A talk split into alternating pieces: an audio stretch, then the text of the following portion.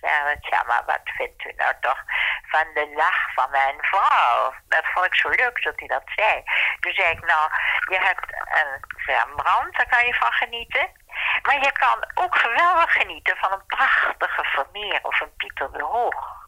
En ze zijn allemaal even mooi. Dus de ene lach is net zo aanstekelijk en prettig als de ander. En toen zei prins Bernhard, dat is heel diplomatiek gezegd.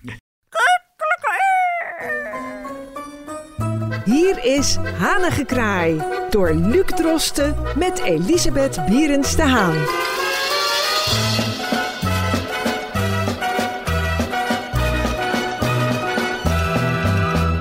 Ja, dit is een koninklijke editie van Hanigekraaien. Want ondanks het feit dat er uiteraard door omstandigheden die bij iedereen bekend zijn en ook begrepen zullen worden, deze week en dit jaar überhaupt er geen Koningsdag is, belet ons dat bij Hanigekraai niet om een tweeluik te besteden aan het Nederlandse Koningshuis. Mevrouw Bierens de Haan, bent u koningsgezind?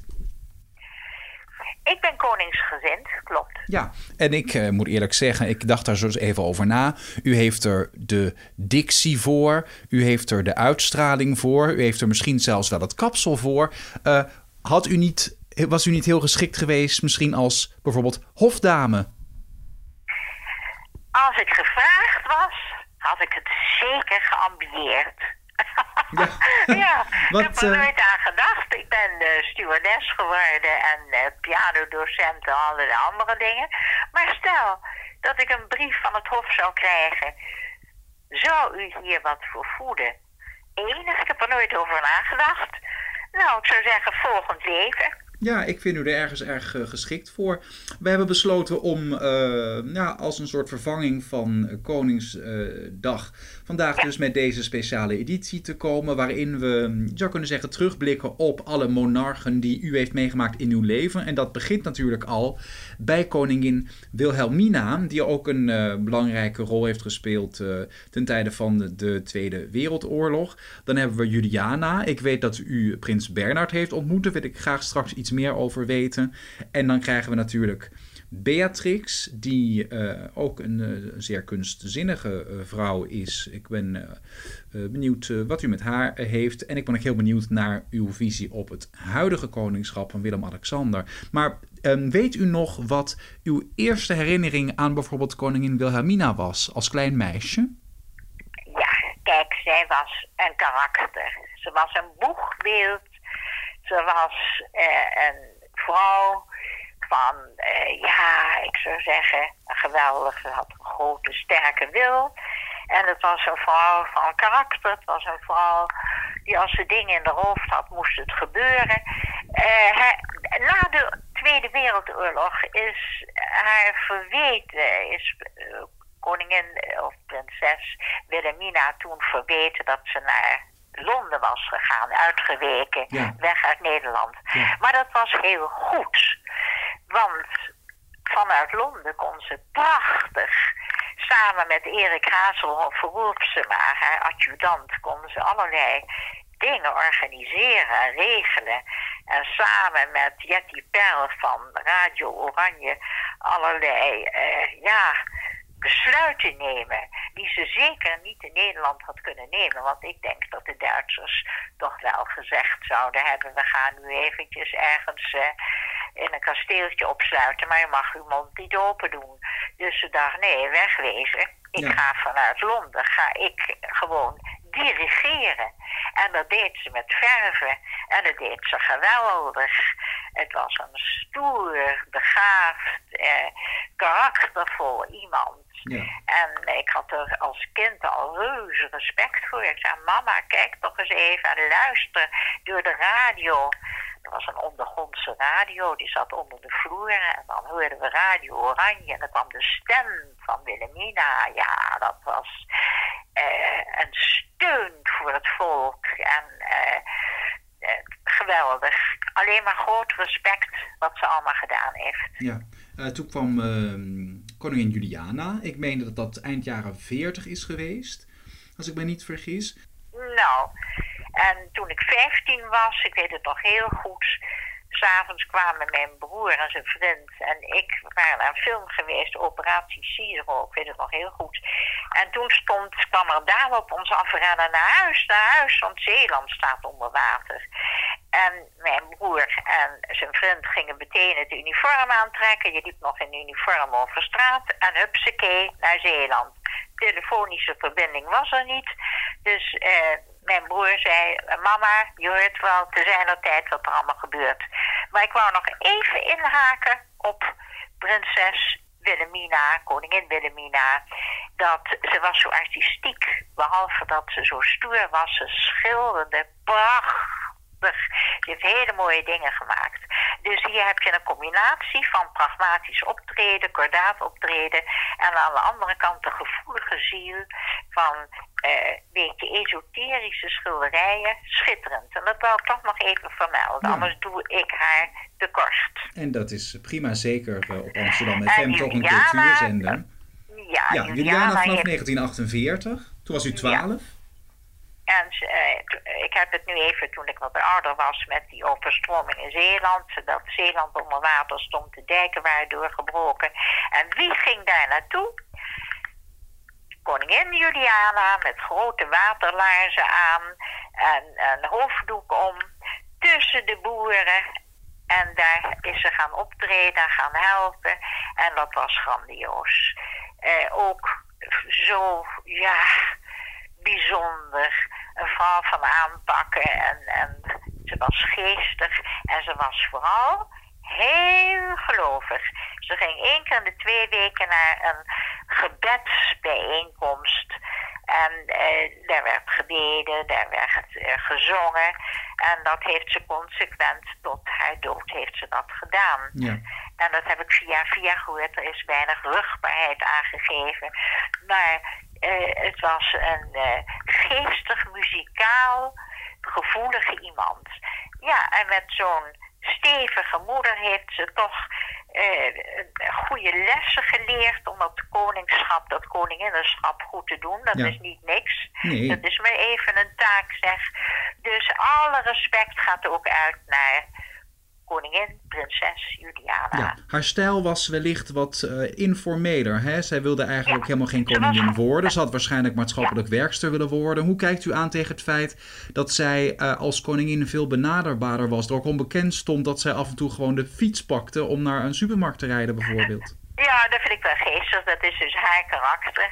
De een heeft dit en de ander heeft dat. En dat was eh, ty- typisch Juliana.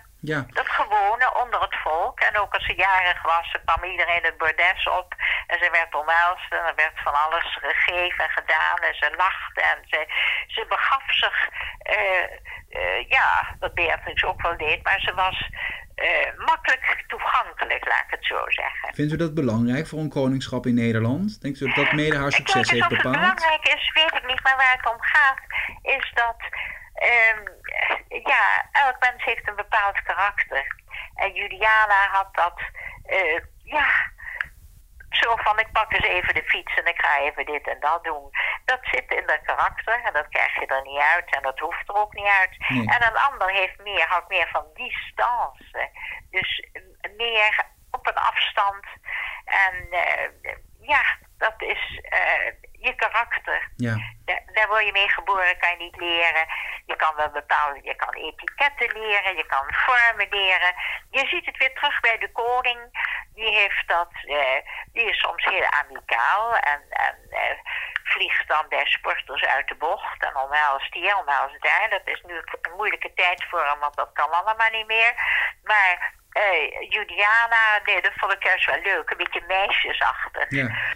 En hoe kijkt u, eh, hoe Er kijkt zat u een dan... jeugdig elan in. Dat vond ik toch wel erg leuk. Ja, Ja. Ja, en misschien ook een bepaalde, nou ja, ik wil niet zeggen naïviteit, maar inderdaad iets jeugdigs. Iets, Iets ehm, jeugdigs. Ja, en hoe kijkt u aan tegen de. Ja, het hoorde bij En hoe kijkt u aan tegen de, de, de, het feit dat zeker in die tijd ook de, bijvoorbeeld de eh, journalistiek af en toe een probleem heeft gevormd voor het Koningshuis? Vindt u Ja. dat misplaatst? Je hebt de hele Geet Hofmans affaire gehad bijvoorbeeld. Hoe kijkt u daar tegenaan, tegen dat soort schandalen? Ik kijk er zo tegenaan dat ik het fantastisch vind hoe eh, Juliana achter haar man stond. Haar man gesteund heeft. En dat was bewonderenswaardig. Ja, Zo vind ik dat. En dat vind ik nog steeds.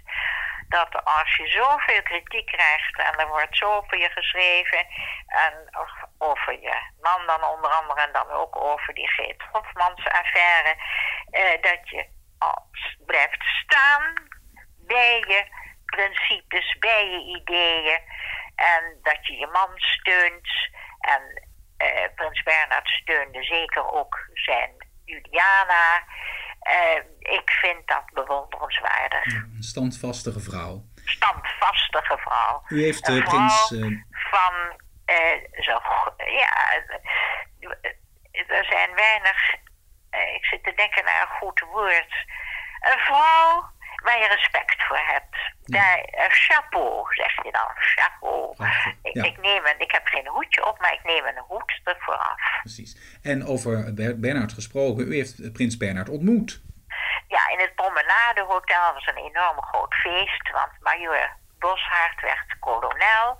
En we hadden allemaal onze disciplines. Ik zat in een, in een stand waar ik mijn stemanalyses deed. Een ander deed grafologie.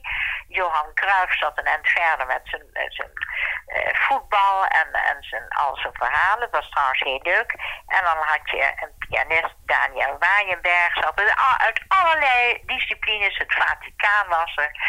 En toen opeens kwam Prins Bernhard op mijn stand afgewandeld. Die kwam naar me toe met een dame, beetje chaperone, die even het oog hield of alles wel goed liep, heel verstandig. En toen eh, zei ik, vindt u het eh, goed als ik uw stem opneem op de recorder? Nou, dat vond hij uitstekend en ik vond het ook heel spannend. En eh, dat werd een heel mooi verhaal.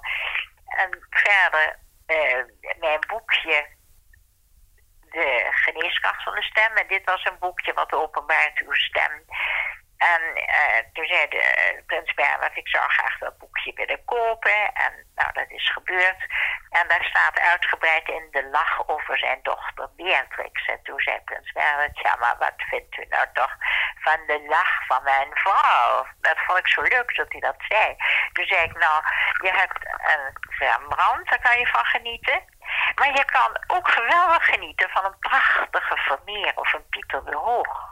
En ze zijn allemaal even mooi. Dus de ene lach is net zo aanstekelijk en prettig als de ander. En toen zei prins Bernhard, dat is heel diplomatiek gezegd. Heel diep. En we hebben gelachen.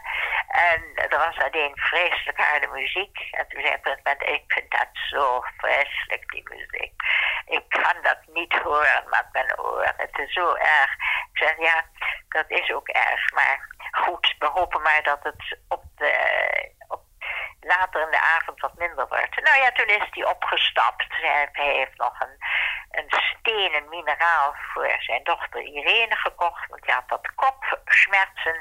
Ik kan alleen maar zeggen dat ik vond Prins Bernhard uh, allercharmantst en alleraardigst. En we hebben zo mooi even over allerlei dingen zitten praten. Ook over zijn schoonzoon. En eh, ik denk er met ongelooflijk veel genoegen en respect vooral aan terug.